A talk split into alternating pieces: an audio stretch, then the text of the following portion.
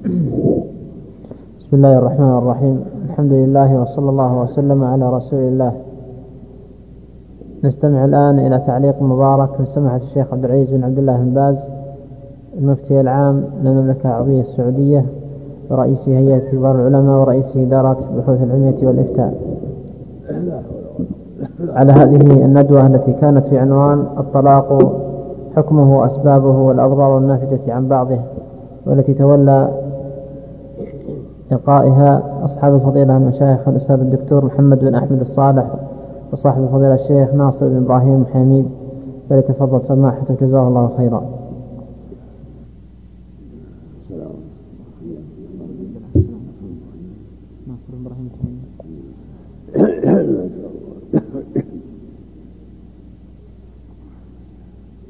بسم الله الرحمن الرحيم. الحمد لله وصلى الله وسلم على رسول الله. وعلى آله وأصحابه ومن اهتدى بهداه. أما بعد فقد سمعنا جميعا هذه الندوه المباركة التي تولاها صاحب الفضيلة الدكتور محمد بن أحمد بن صالح والشيخ ناصر بن إبراهيم بن حميد في موضوع جدير بالعناية موضوع النكاح والطلاق. وقد أجاد وأفاد جزاهم الله خيرا وبين ما ينبغي إيضاحه في هذا المقام ولا شك أن النكاح أمره عظيم وأن الواجب على الزوجين العناية به والحرص على استمرار العشرة الطيبة بينهما وأن كل واحد يحرص على أن يكون خيرا من صاحبه. لأن الله يقول جل وعلا وعاشروهن بالمعروف ويقول سبحانه ولهن مثل الذي عليهن بالمعروف والرسول صلى الله عليه وسلم أوصى بالنساء خيرا وقال خيركم خيركم لأهله فكل منهما مطلوب منه أن يجتهد في إحسان العشرة. والحرص على جمع الشمل وبقاء المودة والمحبة والتعاون. هذا هو الواجب على كل منهما. وبذلك يحصل التعاون على الخير ويحصل قضاء الوطر براحة وطمأنينة ومودة. أما سوء الخلق من هذا أو هذا فهو يسبب نكد العيش وسوء الحال ويفضي إلى الطلاق. فالواجب على كل منهما العناية بهذا الأمر والواجب على المرأة أكثر وعليه هو أن يستوصي بها خيرا وعليها وعليها هي أيضا أن تجتهد في إحسان العشرة والسمع والطاعة لزوجها في المعروف. فكل منهما يحرص على أن يكون خيرا من صاحبه حتى تبقى المودة والمحبة والعشرة الطيبة. والله جل وعلا هو الجواد الكريم متى حرص العبد على العشرة الطيبة وبذل وسعه بذلك وأصلح الله نيته أعانه ووفقه ويسر أمره من الرجل والمرأة فالواجب على كل منهما أن يتحرى الخير وأن يحرص على الخير. وأن يحرص على أداء الحق الذي عليه وعلى الرجل أكثر من ذلك استوصوا بالنساء خيرا لأنهن لأنها ضعيفة أسيرة بين يديه فالواجب عليه يتقي الله فيها وألا يظلمها وأن يستوصي بها خيرا. لأن الله يقول وعاشروهن بالمعروف وهذا أمر الوجوب ويقول ولهن مثل الذي عليهن بالمعروف وللرجال عليهن درجة. فلا يجوز للرجل أن يأخذ هذه الدرجة ويستغلها فيظلم المرأة ويهينها. هذا هو الظلم الذي لا يجوز.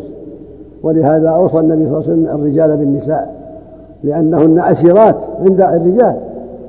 استوصوا بالنساء خيرا فإنهن عوان عندكم. وقد بين صلى الله عليه وسلم أنهن خلقن من ضلع أحوج وإن أعوج شيء في ضلع لا.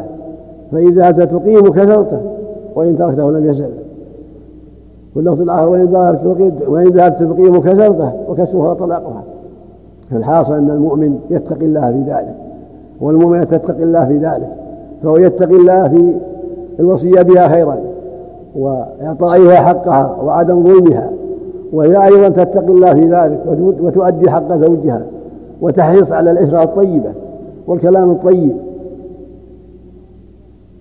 سمعتم الحديث يقول صلى الله عليه وسلم أي امرأة فاتت وزوجها عليها ساخط لعنة ماك حتى تصبح. في اللفظ الآخر كان الذي في السماء ساخط عليها حتى يرضى عنها. فالتعاون بينهما على الخير هو الواجب. كل منهما يحرص على الخير وكل منهما يحرص على أن يؤدي ما عليه من الواجب وكل واحد يحرص على بقاء المودة والعشرة والتعاون على الخير. وينبغي للمؤمن ألا يتسرع في الطلاق. فقد جاء في الحديث أبغض الحلال إلى الله أبغض الحلال إلى الله الطلاق. فلا يعجل في الطلاق بل يعالج الأمور بغير الطلاق. وإن رأى منها شيء يكرهه فعسى أن تكرهوا شيئا ويجعل الله خيرا كثيرا. في الحديث إن المؤمن إذا سخط من زوجته خلقا رضي منها خلقا آخر. فإيمانها وتقواها وعلمها بوجوب العشرة الطيبة كل ذلك يدفعها على الحرص على إحسان العشرة والتماس رضاه فيما لا يغضب الله عز وجل. وكثير من الناس يطلق عند أقل شيء عند أدنى سبب وهذا ما لا ينبغي. فينبغي التثبت وعدم العجلة في الطلاق وعلاج الأمور بغير الطلاق. وهي أيضا عليها أن تجتهد في أسباب الوئام وأسباب المحبة وأسباب عدم الطلاق. كل منهما عليه يحرص على أسباب المودة والمحبة و حسن العشرة.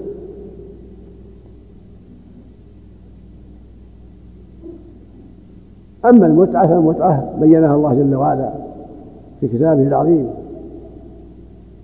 لا جناح عليهم إن طلقتم النساء ما لم تمسوهن أو أو تفرضوهن فريضة.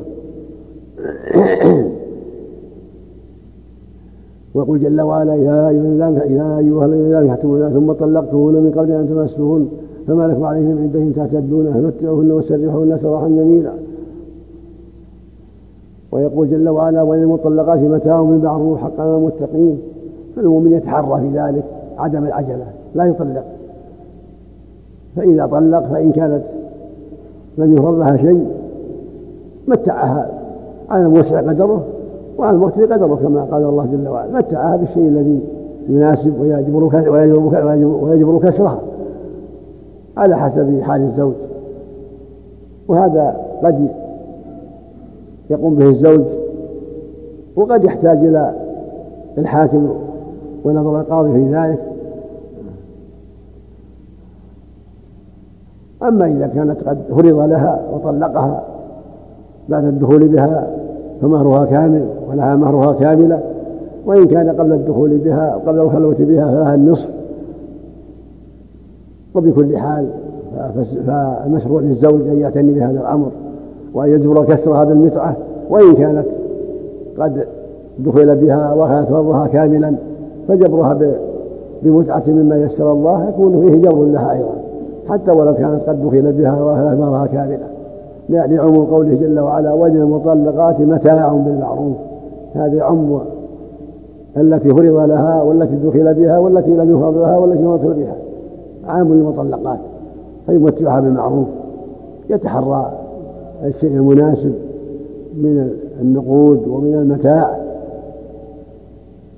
لأن الله قال بالمعروف وقال في غير المسمى لها على الموسع قدره وعلى المقتدي قدره. فالمؤمن يتحرى وإذا لم يوصف دخل دخل القضاء في ذلك ودخلت المحكمة في ذلك عند عند النزاع والخصومة.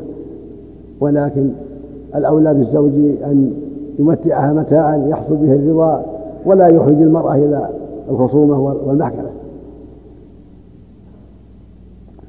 وهذا من العشرة من المفارقة بالمعروف ومن الإحسان عند المفارقة. وللمطلقات متاع بالمعروف حقا على المتقين. وإن يتفرقا يغني الله كلا من سعته فإذا أحسن الزوج في الفرقة وأحسن في المتعة والزوجة أحسنت في حق زوجها فإن الله جل وعلا يعوضها خيرا. كل منهما إذا أحسن فالله جل وعلا يعوضه خيرا. وأحسنوا إن الله يحب المحسنين. فالمحسن على خير عظيم. فإذا كان محسنا وهي محسنة ثم تفرقا أغنى الله كل من سعته. وإن يتفرقا يغني الله كل من سعته. إن رحمة الله قريب من المحسنين فإذا أحسن وفقه الله وعوضه خيرا منها. وإذا أحسنت كذلك فكل منهما عليه يتحرى الإحسان والخير والمعروف. والله سبحانه يجزي المحسنين. أحسن الجزاء وخير الجزاء. ونسأل الله أن يوفق الجميع لما يرضيه. ومن ومن المهم أيضا أمر الطلاق من جهة عدم العجلة في الطلاق وعدم التطليق بالثلاث. السنة واحدة. أن يطلقها طلقة واحدة لا يعجل. طلقة واحدة في طهر لم يجامعها فيه أو في حال كونها حاملة. أو وهكذا كانت عايسة يطلقها متى شاء لكن لا يعجل. مهما أمكن عدم الطلاق والاستمتاع بها والتسامح فهو أولى. إلا إذا دعت المصلحة والحاجة إلى الطلاق فلا بأس. لكن يطلق طلقة واحدة فقط. لأن قد يندم فيراجع في الحال. فإن كان طلقها واحدة واحتاج إلى الطلاق طلقها الثانية واحدة فقط طلقة ثانية فقط حتى يتيسر له الرجعة إذا أرادها. فإذا انتهت المدة ولم ولم يكتب الله المودة فالطلقة الثالثة وبعدها انتهى الأمر. فإن طلقها فلا تحل حتى تنتهي الأمر. فلا ينبغي له ولا يجوز له جمع الثلاث. الواجب عليه أن يطلق الطلاق الشرعي واحدة ثم يراجع إن أحب فإن لم يحب تركها تنتهي العدة ويرزقها الله جل وعلا. وإذا رغب فيها ولو بعد العدة راجعها بعقد جديد بعد الطلقة الأولى والثانية فإذا جاءت الثالثة انتهى كل شيء. وكثير من الناس لا لا يبالي بهذا بل عند أقل شيء يغلق بالثلاث ولا يبالي.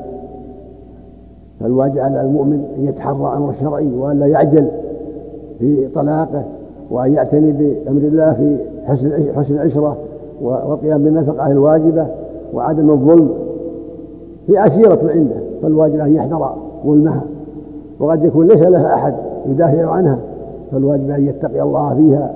فإن الله جل وعلا فوق الجميع وهو رقيب على الجميع. فالواجب الحذر من ظلمها والعدوان عليها. لضعفها وعدم من ينصرها.